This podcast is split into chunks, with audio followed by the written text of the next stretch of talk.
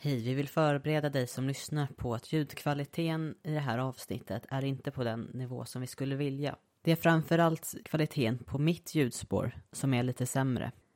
Men vi arbetar på att förbättra ljudet och ni kommer märka skillnad redan i avsnitt två. Tack för att ni är överseende.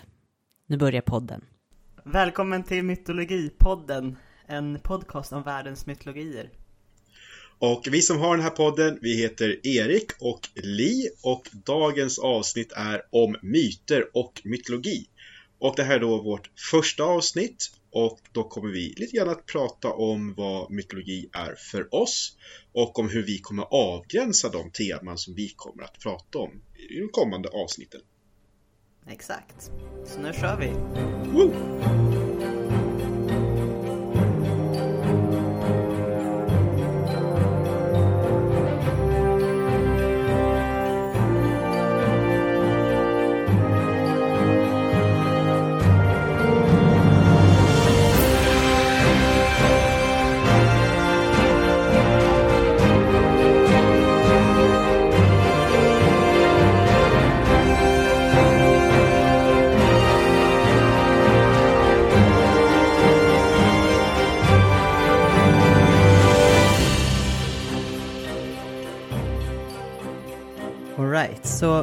Första del så kommer vi prata nu lite, lite allmänt om myter och mytologi.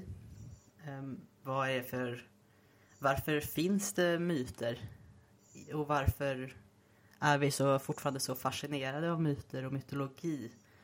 Och kanske vi ska nosa lite på var, om, om vi har lite myter som lever idag eller om det är något vi ser på vårt förflutna hela genom våra moderna ögon. Ja, och jag tror att just den här kopplingen mellan vår moderna tid och forntidens myter också är det som skapar det här intresset att även fast att då vi lever i en väldigt uppkopplad tid, vi har koll på väldigt mycket, så finns också den här fascinationen kvar till hur har människor förr velat förklara saker? För det är just precis det som myter ofta har gjort, förklara sin omgivning och de frågor som forntidens människor har ställt sig och ibland inte ens forntidens människor utan det kan också vara lite närmare tid också.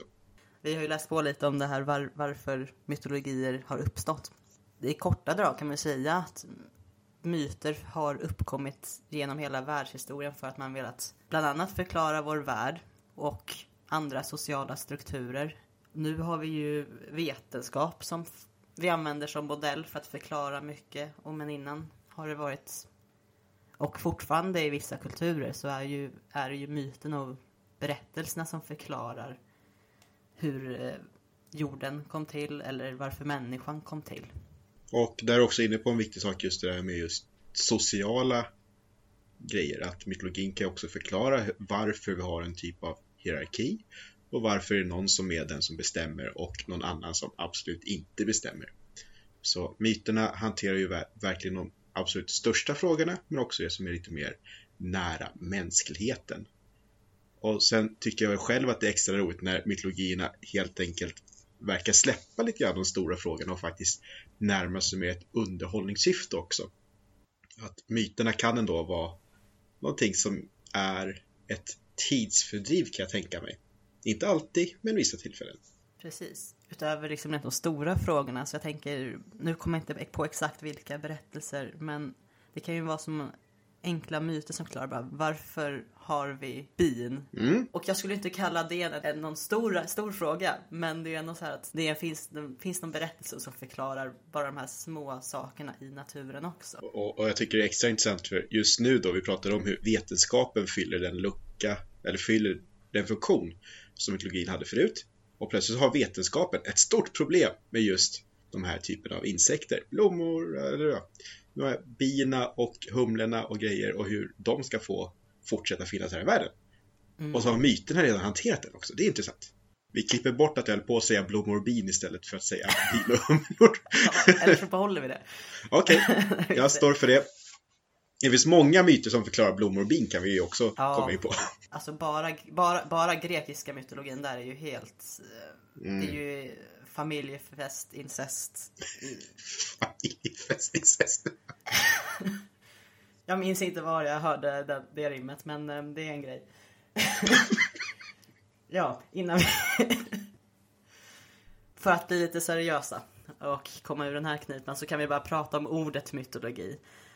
Um, vi har ju, det kommer ju från det grekiska, gud, vi kommer inte bara prata grekiska nu hoppas jag, men det grekiska ordet mytos och eh, som är sammansatt med det grekiska ordet logos. Där logos betyder, nu ska jag se att jag inte blandat ihop det, logos handlar läran om eh, och mytos det är ett ord för berättelse. Så att egentligen så att det handlar om läran om berättelser och myt är ju en sorts berättelseform då. Det där lät som rena grekiskan för mig först, så tack för att du klarade det. Låter rimligt. Ja, så vi har ju mytologibegreppet så som vi kommer se det, eller använder det mycket ifrån EU som en, en samling av gemensamma berättelser eller myter inom olika kulturer. Så vi har ju, alltså vi har pratat mycket nu grekisk mytologi, det finns nordisk. Den nordiska mytologin, det är ju en del av en större germansk mytologi. Mm. Och sen är det så att också många myter kan kopplas in i de här stora träden som ibland också har kopplingar till språk. Och där går det att jämföra vitt och brett. Och om man då fortsätter på temat från nordisk mytologi till germansk mytologi så finns ju också indoeuropeisk mytologi som var någonting som var väldigt poppis att prata om för ett tag sedan men som jag tror att har lite grann eh, tappat fotfäste. Men det finns fortfarande så att man kan jämföra myter mellan ett stora områden med varandra även fast de kanske inte har någon kontakt med varandra direkt. Att man kan se att det finns någon åskgud med en slägga både här och där och men då jämföra på det mm. viset. Utan att dra för stora växlar på det. Ja, men man kan ju se att det kanske funnits något hyfsat gemensamt eh, tankeursprung som kan ha utvecklats åt lite olika håll. Men om man också jämför med andra från olika kontinenter så finns det ju även många gemensamma te teman och tankar så att det är ju något med, med myterna som det, de förklarar saker på ett väldigt universellt sätt som många, många olika grupper av människor har tänkt på samma sätt fastän de varit separerade också. Men om vi tar till exempel det här eh, hur den nordiska mytologivärlden är en del av en större germansk mytologivärld så kan vi ju jämföra bland annat våra gudar här i Norden med dem i, i, från det tyska området där Oden heter han här uppe och så i Tyskland Wotan. Eh, hade du några fler exempel på det? Ja, där kan vi ta Tor som är Donnar och där finns det väl kvar i tyskans Donnerswetter att det är ett åskoväder då. Eh, och sen en riktigt rolig som man kan dra långt det är ju vår krigsguden Tyr här i den nordiska mytologin. I det germanska området så ska han heta Tivas och sen kan man dra det här namnet ännu längre bak till då romerska Jupiter. Och Jupiter kan vara eh, är besläktat med Zeus pater i den grekiska mytologin som sen kan dra till indospråket eh, Dispitar. Så där kan vi dra liksom en av de nordiska gudarna riktigt långt bak. Ja, verkligen.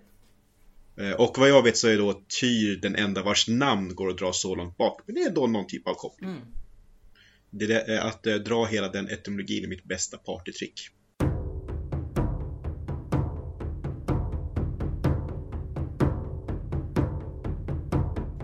Så nu i vår andra del av podden ska vi prata lite mer om de teman som finns i mytologins värld och som vi förmodligen kommer ta upp framöver i den här podcasten. Lite välja och vraka helt enkelt för det finns så himla mycket att plocka ur. Vi sa tidigare att en av funktionerna med eh, myterna är just att förklara hur vår värld har kommit till. Och det har man ju bland annat gjort med olika skapelsemyter. Vi har ju till exempel ja, från den kristna mytologin Eva och Adam berättelsen, eller myten. Och de sju dagarna då Gud skapar Exakt. någonting om dagen. Ja, för man kan ju dela in skapelsemyter liksom lite delvis. Världens skapelse, människans tillkomst och ja, andra kanske djurs tillkomst. Sen kan man också ha som tema hur världen är uppbyggd eller kosmologi som man också kan kalla det. Som i nordisk mytologi att vi har Yggdrasil med nio världar. Nio världar. Där vi bland annat har Midgård och Asgård och Det utgår. Ja, det där har du bättre då. Det kommer vi komma in på säkert. Vi har ju också flera övernaturliga varelser. Gudar, monster, andar, demoner. Och roliga berättelser om hur alla sådana saker kan komma till också. Ja, precis. Och i olika vågor hur saker skapas. Så att det finns ofta generationer i skapelsen. Om man då tittar på grekerna med titaner och sen kommer olympier och grejer. Så. Ja, och så många olika berättelser på hur då gudar eller hjältar påverkar världen. Mm. På ett sätt. För att ofta är det så att inte så att världen bara skapas och så är den och så är den passiv, den är som den är. Utan det är hela tiden grejer som händer som gör att den förändras också till olika grad. Mm. Ja, snyggt. Jag har inte tänkt på det så, men ja, absolut. Ja, Intressant sätt. Ja, bra. Coolt. Och där har vi till exempel olika hjältar. Jag, det kommer vi ha några avsnitt om den här säsongen. Jag har varit och läst på lite om eh, guden, eh, eller halv, halvgud tror jag han är. Maui som är en sorts hjälte. Eh, och en av grejerna han gör är ju till exempel att fiska upp Nya, en av Nya Zeelands öar från havets botten. Eh, och då är ju liksom, världen är ju egentligen redan skapad men han fiskar upp en ö till så helt plötsligt finns det en plats för fler människor att vistas på. Det kommer vi in lite mer på längre fram. Sen så är, finns det ju mycket teman bara kring människan. Liv och död. Hur, hur olika kulturer har förhållit sig till det. Om vi återigen tar det kristna. Att man hamnar i himmel eller helvete. Och mer åt det hinduistiska hållet så är det ju återfödelse. Och i motsats till skapelse så har vi ju också världens undergång. Som Oh, kan, ja. det, det, kan vi, det kan bli mycket spännande att prata om. Ja, och där just, där tycker jag att det är kul med att det verkligen finns tydliga undergångsmyter och då löser den nordiska mytologin det med att det är ju völvans spådom som ser in att det här kommer att hända. Samtidigt lite öppet för att man kanske till och med är efter undergången. Och sen vissa mytologier som knappt har en undergång heller, vilket känns lite mer optimistiskt. Precis. Så att just där vi pratade, det finns många likheter mellan olika myter men också då stora skillnader. Ett vanligt tema inom de här, eller en viss genre av undergångsmyter har ju ofta med en, en syndaflod eller översvämning att göra. Atlantis, som helt försvinner. Det finns mycket roliga avsnitt helt enkelt vi kan ta bara från att kika på olika teman kring mytologi. Vi kommer också göra avsnitt om lite mer kanske runt omkring mytologi. Bara kanske göra avsnitt som har mer kopplat till att tolka myter. Var man hittar infor- var har man hittat information om olika myter. För det är inte så att alla lever och traderas muntligt så som de har gjorts ursprungligen. Utan det har ju behövts för att vi ska kunna veta något om det efter den muntliga traditionen har dött så måste en del ha bevarats på andra sätt. Och det kommer vi också kunna kolla mer på. Ja, och det är en sån sak vi kommer då prata om i nästa avsnitt och då kommer det vara lite grann en fallstudie utifrån en viss mytologi som vi kanske båda två har läst på ganska mycket om. Men sen i kommande avsnitt kommer vi kunna använda den här typen av ramverk, förstå vilka typer av källor finns det och på så sätt ta till oss olika teman, mytologier, individer utifrån de källor vi faktiskt har. Och ibland kommer de här sakerna helt och hållet säga emot varandra och ibland så kan de också förstärka varandra. Så källor är intressanta men också jättejobbiga. Jag vet ju själv att jag har försökt skriva lite texter om mytologi att jag blir bara arg till slut för att jag vill skriva om en sak som jag har läst och sen så upptäcker jag att i nästa källa så säger de faktiskt emot och lägger till detaljer eller drar bort detaljer och så vet jag inte riktigt vad jag ska tycka är rätt myt. Men då får man också komma ihåg att det är saker som kanske skrivs ner under olika tider, olika områden, även fast de ingår i samma paraplymytologi. Precis. Mycket rörigt. Ja, men då har vi ju introducerat lite våra tankar och vad som ska, vad som ska komma. Och lite vad, vad det är myter tar upp i, eh, i, det stora, i det stora hela. Så vi tänkte att vi tar en liten paus från mytologi och pratar lite mer om oss själva, vad vi har för bakgrund.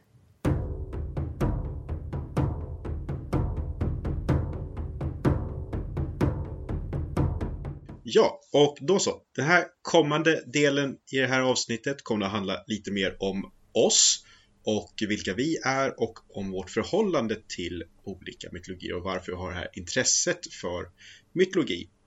Och jag heter alltså Erik Östergren och jag bor i Stockholm och jag jobbar på Vikingamuseet här ute på Djurgården.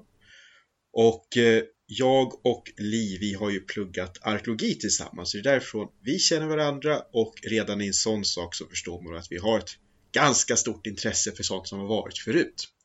När man undersöker arkeologi, arkeologiska lämningar från, från förhistorisk tid så en viktig del och att börja, att börja sätta sig in i hur forntidens människor tänkte och vad de hade att relatera till och myterna är ju en del av det. Ja, som 2000-talsmänniska så har vi ett lite annat förhållande sett till samtiden och utan att förstå hur forntidens människor tänkte, eller i alla fall försöka förstå hur forntidens människor tänkte. Så, så man kan missa ganska mycket. Precis.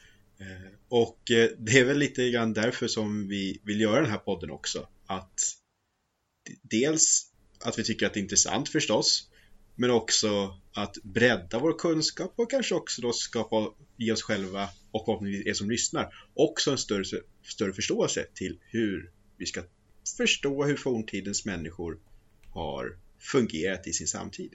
Ja, jag kan ju säga att ja, det är jag som heter Li förresten. Ja. Ehm, Hej Li! Hej! Jag bor ju inte i Stockholm längre. Jag flyttade därifrån 2013. Har bott i Skåne sedan dess, sen eh, Dalsland och nu är jag i Västra Götaland. Jag har bott på Åland också.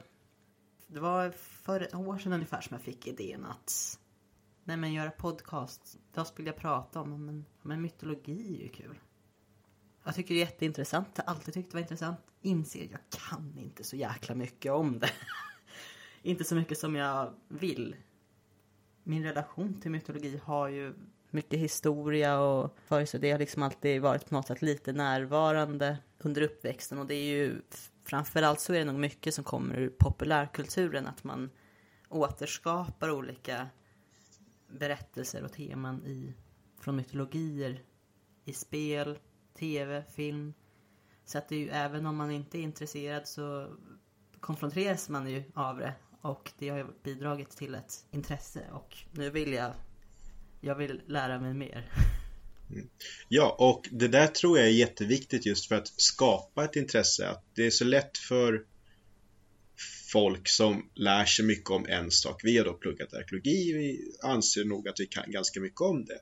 Och så är det så lätt att man gnäller på populärkultur. Nej men titta den där hjälmen är fel, nej den här historien är fel. Men det skapar ett stort intresse och jag som jobbar som guide, jag märker att många som kommer till mig och vill prata om vikingatiden, besökare, det är ju framförallt att de först mött vikingatiden i populärkultur. Det kan vara en tv-serie, det kan vara en film, det kan vara ett tv-spel. Och de blir faktiskt nyfikna på att lära sig ännu mer. Så populärkulturen är ju väldigt viktig för att sprida ett intresse om kunskap. Eh, men sen är det också så att populärkulturen har ju också egna mytologier som kan vara spännande att se i ett historiskt perspektiv också. Och det vet jag att du är också väldigt intresserad av populärkulturens mytologi. Jag själv tycker det är jättekul. Här innan vi började spela in så höll jag just på att tracka en av dina mytologier. Eh, Medan jag själv hävdade att då en viss mytologi som kanske då har mer med jedis att göra är mycket, mycket bättre.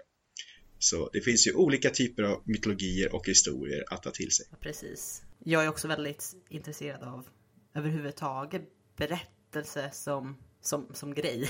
Filmer, skönlitteratur, serietidningar och när man bara kan baka ihop alltihop så blir det ju bara ännu roligare. Jag till exempel har ju ett intresse, jättestort intresse för eh, eh, J.R.R. Tolkien och hans egna mytologiska värld. För han har ju, han har ju också skapat en egen mytologi. Och sånt, skulle, sånt får jag ju också prata om. Han har ju också skrivit en, eh, jag minns inte om det var, kommer från en dikt, men han har ju myntat ett begrepp som eh, heter på engelska mythopeia. Jag tror att eh, verket hette så.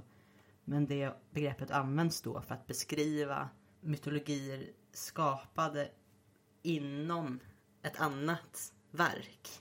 Så då har vi ju till exempel att Tolkien har ju skapat en egen mytologisk värld inom ramen för hans Sagan om ringen berättelse till exempel. Ehm, och det kan man ju det kan man ju ta mer del av om man läser eh, Silmarillion. Bara den biten gör ju också hela den grejen. Det, är ju, blir, ju, det blir ju en mycket mer komplex värld om man är villig att gräva i det också. Sånt kommer, sånt kommer jag vara intresserad av.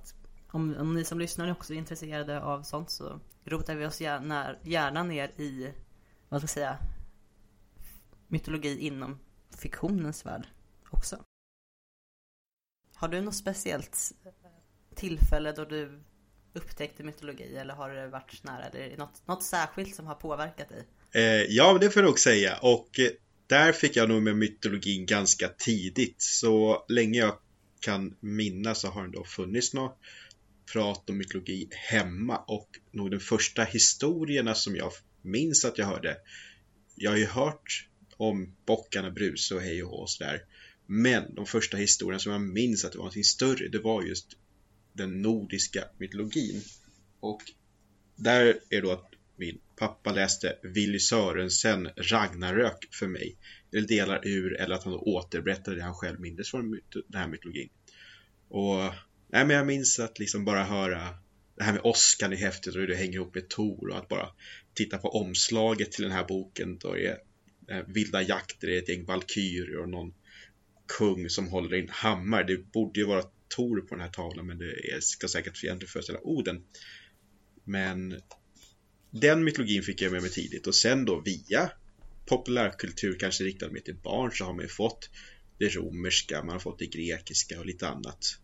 Ganska eurocentrisk uppfattning om mytologi väldigt länge. Ja, men jag tror att det är så de flesta har, har den relationen till mytologi. Att det är de här, det är nordiska, grekiska, egyptiska. Det är det man liksom, Ja. första man tänker på. Ja, egyptiska, eh, där har vi grejer. Det, det fick jag också med mig tidigt. Det var min farbror som kom hem från en Egyptenresa och hade med sig en statyett föreställande en egyptisk gud. Och den där statyetten släpade jag runt på. Jag vill bara lära mig ännu mer. Eh, åkte till Medelhavsmuseet och fick mardrömmar om mumierna där. Så det är, ja, det är många starka intryck ganska tidigt. Men det låter bra. Det har ju fått hålla sig vid liv länge också. Ja, och det här kan gå ut som en varning då till alla som har barn i närheten. Jag är vad som händer om man inte stoppar barn i tid. Eh, Det går ut för. Eller så går det perfekt, vad vet jag. Eh, Jag gillar i alla fall att tycka om mytologi som vuxen också. Ja, du då? Vad, vad har du för rötter i mytologin? Ja, men som jag sa, det var liksom ganska... Det fanns liksom mer allmänt. Jag kan inte komma ihåg något specifikt verk eller någon så här första introduktion. Um, varför är Asterix det första som kommer upp i huvudet nu? Det är inte så här jättemytologiskt. Men Där, nu, nu är det så här, lite sidospår, men det här med hur de är så rädda till för att himlen ska trilla ner över dem. ja, jag satt precis och tänkte på just den biten Ja. också. Det är liksom deras... Ja, och, och ändå hur det kommer ju från någon berättelse eller i princip myt om Alexander den store. Har du hört den? Nej? Nej, Alexander den store, han, han tyckte att han var störst och bäst och starkast och sådär. Och så frågar han till slut eh, några galler, som då är då, galler blir väl det ett av orden för keltiska folk. Och uh, vad är ni rädda för? Och han vill på något sätt att de ska svara Alexander den store, vi är rädda för honom, vi är rädda för dig. Och de här gallerna bara funderar, ah, vad är vi rädda för? Ah, vi är nog rädda för att himlen ska trilla ner. Och där har då Asterix fått med sig en jättegammal källa på ett sätt som jag tror att många förbiser. Och det tycker jag ändå är intressant. Så att du har Asterix som tidig koppling till mytologi, det köper jag fullständigt.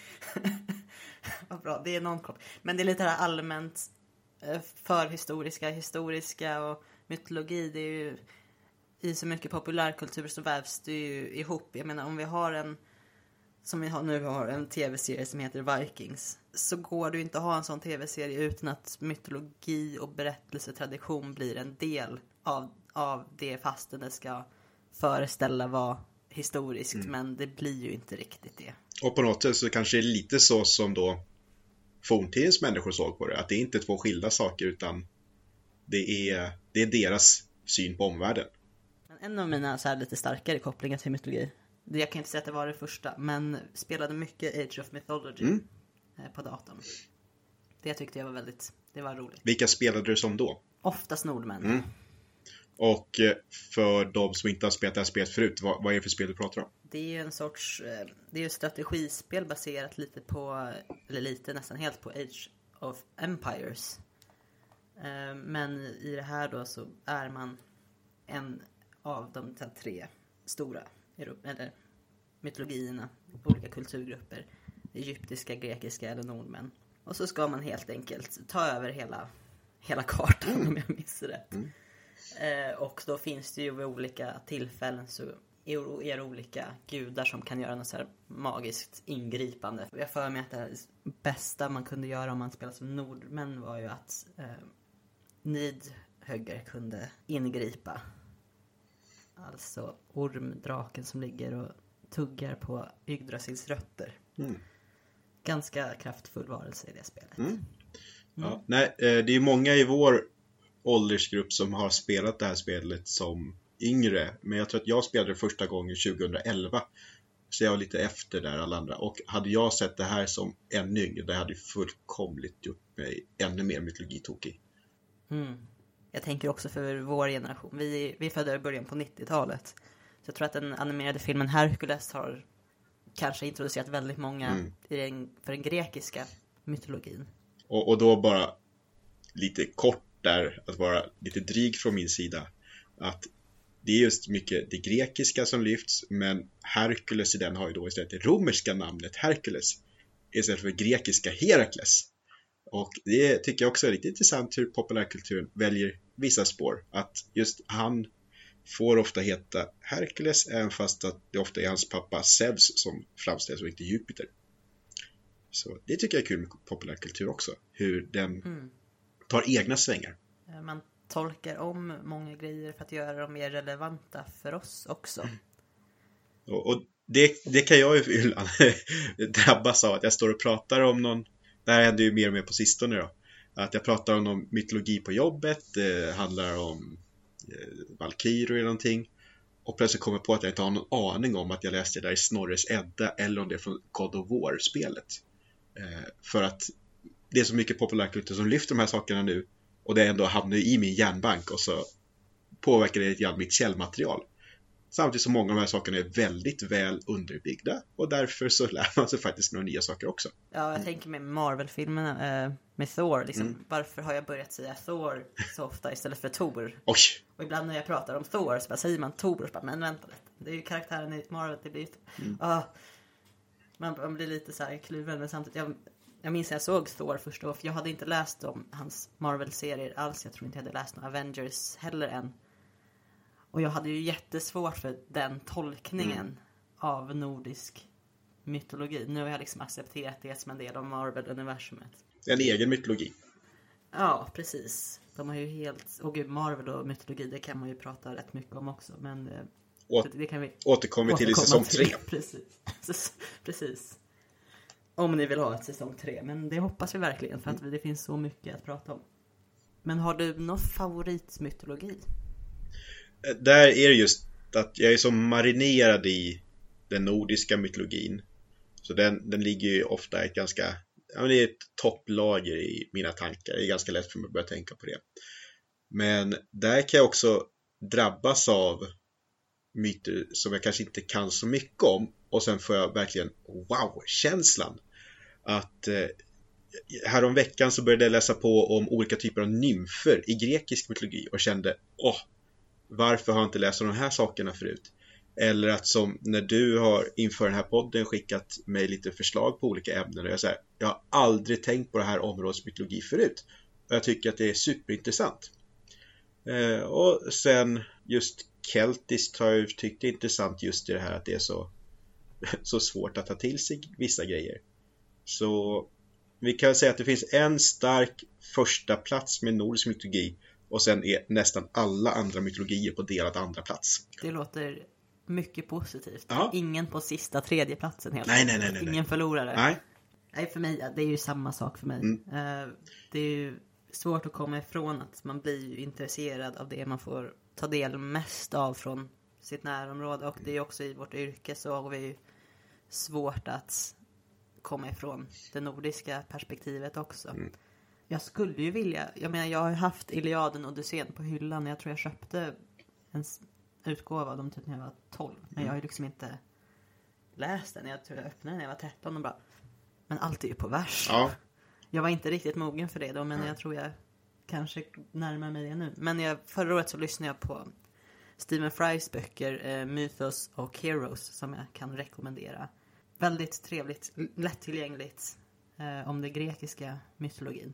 Mm. Så det finns väldigt mycket spännande i det grekiska rent berättar, berättarmässigt. Eh, helt bisarra saker Mm. och häftiga saker. Ja, det är så skönt också att de är ganska bra på att skriva ner saker också. Att vi har ändå rätt mycket källor till den typen av mytologi. Och samtidigt som det är en hel del av de här äh, standardmyterna som dyker upp. Om man köper en bok som är grekisk mytologi för nybörjare så får man ganska tydliga myter och sen så kan man börja titta i, men var kommer de här sakerna ifrån? Och det kan vara så väldigt olika källor. Det kan vara antingen att det är någon något grekiskt drama eller att det faktiskt är en text som ville förklara mytologi. Eller att man får det förbifarten någon helt annanstans. Så det är också ett källmaterial att förhålla sig till. Ja, jag, jag har varit insnöad på grekisk mytologi minst en gång kan jag säga. jag tror att det är ganska naturligt att vi kommer om vi pratar om mytologier från, från andra områden. Jag, just nu är jag ju väldigt så här att ja, jag vill lära mig mer om typ keltiskt och eh, polynesiskt. Eh, kanske i första hand. Kul kombo. Men det, vi kommer ju inte kunna komma ifrån att vi, vi kommer ju jämföra det med det nordiska grekiska, det som folk är bekanta med. Mm. Och kanske framställningar från populärkultur också. Våra nutida berättelser. Mm. Ja, ja, där får ju Hollywood eller populärkulturen jobba lite på att dra in lite andra grejer. Eh, Nordamerika eller Sydamerika eller olika delar av Asien och Afrika. Så. Ja, men det har de ju gjort bättre nu. De har ju gjort den här filmen eh, Moana, eller Vaiana, beroende på vilket språk. Och då har vi just den här halvguden Mao som vi kommer prata lite om längre fram i säsongen. Har du någon, eh, några favoritkaraktärer, gudar eller hjältar? På sistone har jag varit väldigt insnöad på Beowulf eh, från då det anglosaxiska litterära verket Beowulf eh, som har fått lite mer uppmärksamhet i Sverige på sistone då det kom en ny tolkning om var Beowulf egentligen kommer ifrån. Men jag tycker att det är en intressant historia. Den skrevs ju ner i kristen tid så det är ganska mycket av då det hedniska som säkert försvunnit. Men det då ger en inblick i en bildvärld som vi annars väldigt sällan får. Och då hur det går att koppla till arkeologi och grejer. Och eh, där, där sitter jag, bredvid min säng så har jag då den här Beowulf liggande som har engelska på ena sidan och fornengelska på andra sidan. Och det är då mitt tredje partytrick att läsa Beowulf på fornengelska. Han är jag lite insnöad på. Men annars så tycker jag Freja, där har vi en riktigt intressant karaktär tycker jag. Så just att hon då i en grundbok gärna målas upp som en ganska ensidig kärleksgudinna. Men hon faktiskt har så många fler sidor och att det, det, är, inte det är inte någon man kan bara knuffa undan utan hon är ju ändå en krigsgud också och hon är den som väljer första hälften av de som dör i strid som får komma till henne istället för Valhall. Så Freja och Beowulf, det, det är mitt team eh, och jag ser fram emot att hitta många nya favoriter ju mer vi pratar om olika områden och sådär. Ja, det gör jag också. Jag sitter här och försöker fundera på om jag kan komma på något. Alltså jag har ju alltid varit svag för, för Oden för han är så mångsidig. Det finns så mycket aspekter av Oden. Samtidigt så är han väldigt så här, s- svår att greppa. Mm. Jag vill också, jag vill nämna en till för jag vill ha ett team som kan. Ja. Överlag så tycker jag att det är kul med monster. Mm. Så jag ska se om jag kan komma på ett monster eller... Eller... Jag säger drakar Mm. överlag. Och det är ju intressant med drakar hur de dyker upp i så många olika mytologier och olika skepnader. Ja, de finns överallt. Där har jag, jag har ju förstått att det finns en hel vetenskap bakom drakar och när jag säger drake så tänker jag inte förhålla mig till viverns eller skillnad mot andra typer av ord och lindormar utan jag tänker mig en drake är en drake. Där vet jag att så fort det kommer någon ny fantasyfilm och så är det något, något reptildjur som flyger så börjar folk bråka om det är en drake eller inte. Jag tror vi har ett avsnitt här. Aha! Kanske inte den här säsongen, men äh, Säsong 4! drakar tror jag skulle vara ett jättekul ämne. Ja, jag har ett brinnande intresse för drakar. Ja, förlåt.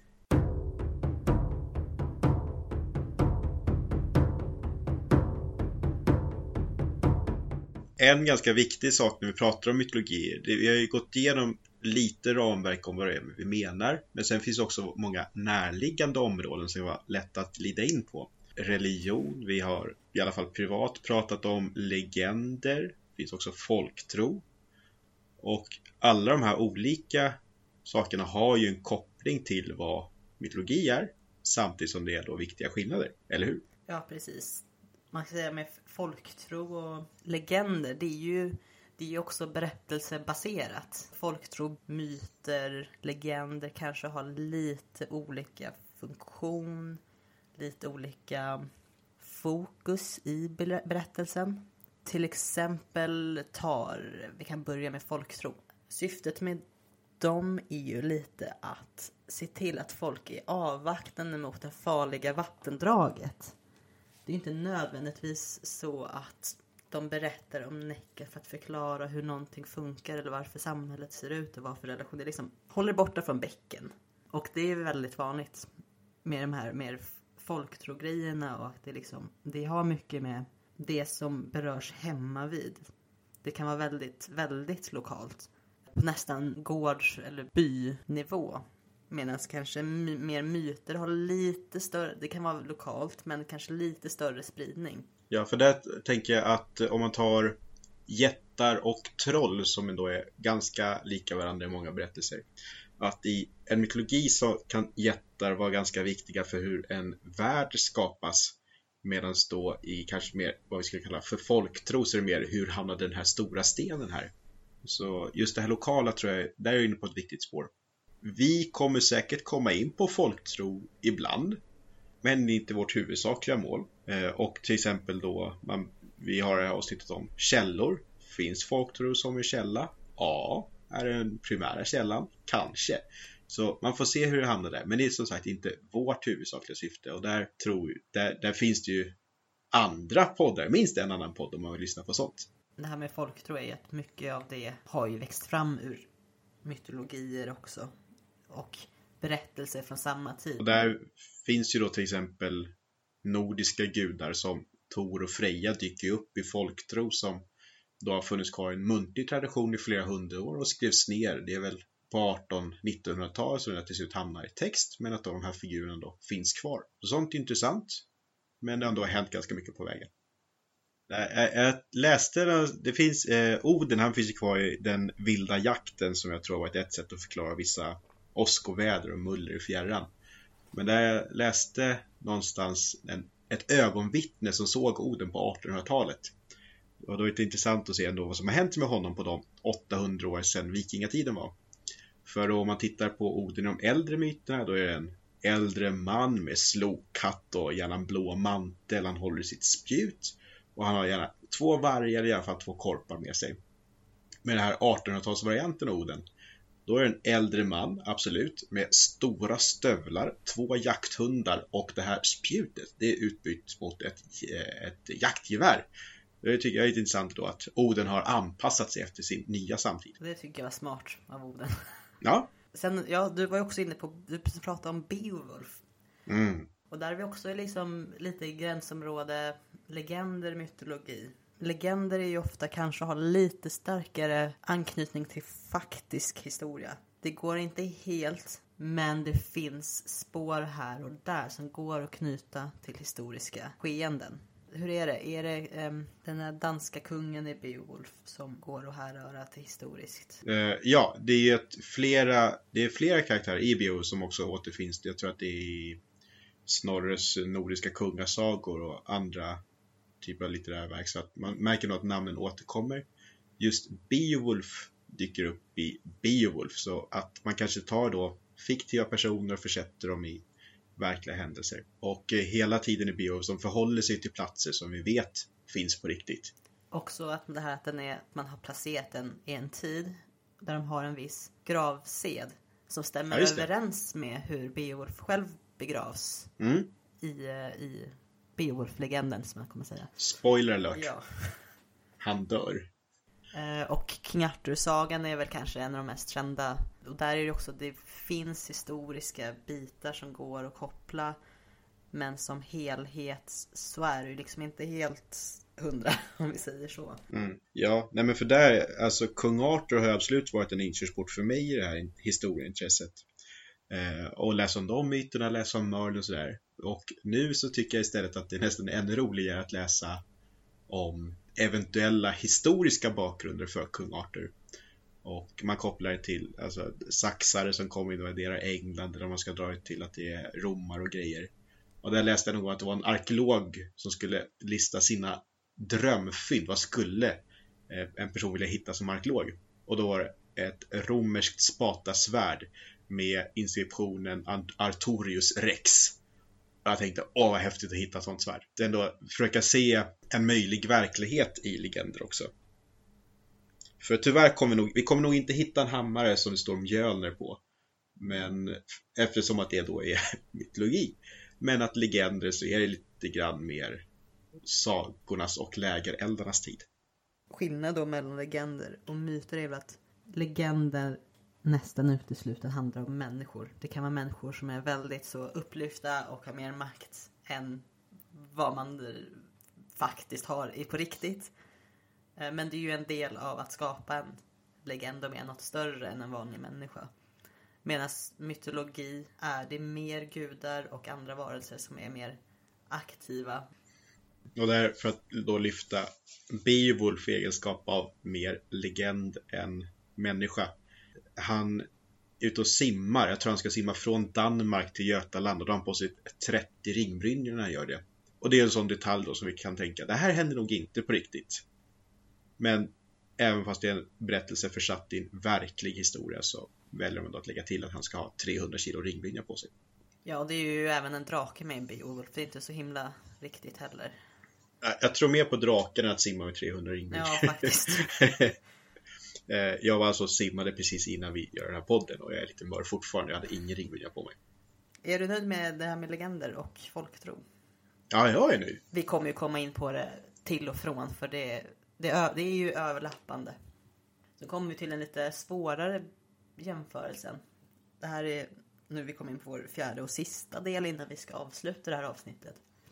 Men vi tänkte prata lite om hur, hur vi ska jämföra eller förhålla oss till religion kontra mm. mytologi. Ja, och eh, som du har varit inne på att mytologi är ju berättelserna framför allt. Och för mig så är religion när man tittar på hur myter och handling i verkligheten går ihop lite grann. Och där jag tycker väldigt mycket om en bok som heter Fornordisk religion som är skriven av Gro Steinsland. Och jag tror och jag tänker mig att titeln fornnordisk religion snarare än mytologi är just för hur Gro förhåller sig till själva kulten runt omkring också. Hur har folk faktiskt haft ritualer kring de här sakerna? Hur har det påverkat samhället och samtiden? Det är inte bara berättelserna utan också effekten de har på sin omvärld i verkligheten. Så det är väl lite grann så jag ser på religion, att det är ett lite större paraplybegrepp. Jag har exakt samma uppfattning som du att det är liksom religionsbegreppet blir ju bredare. Och just för att det är myten om berättelse har ju en roll men det berör ju även traditioner. Hur, hur ritualer utförs ingår ju i det och att myter är ju en del av religioner. Så vi kan prata om kristna myter judiska myter Även om man idag inte pratar om det som mytologi för det är ändå re levande religioner och det är hinduism också. Men som du sa, att du har ju bok om nordisk religion. Men vi pratar ju ändå om fornnordisk mytologi i förhållande till berättelserna. Så om vi bara pratar om berättelserna, typ gamla testamentet, så är ju det det är ju en sorts mytsamling. Det finns ju grejer att lära sig och det är också lika väl som det finns grejer kul grejer att lära sig från berättelser från Hawaii. Och att jämföra de teman som kan vara gemensamma är ju väldigt spännande. Har, har du något mer att säga om religion? Vilken stor fråga. Har något mer att säga om religion? Eh, inte inom poddens ramar, nej.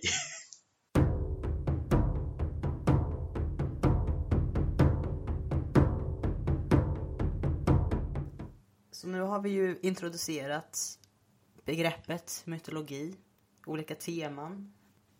Det känns lite överväldigande för det finns så himla mycket vi kommer kunna prata om och vi är ju också väldigt intresserade av att få feedback från er som lyssnar.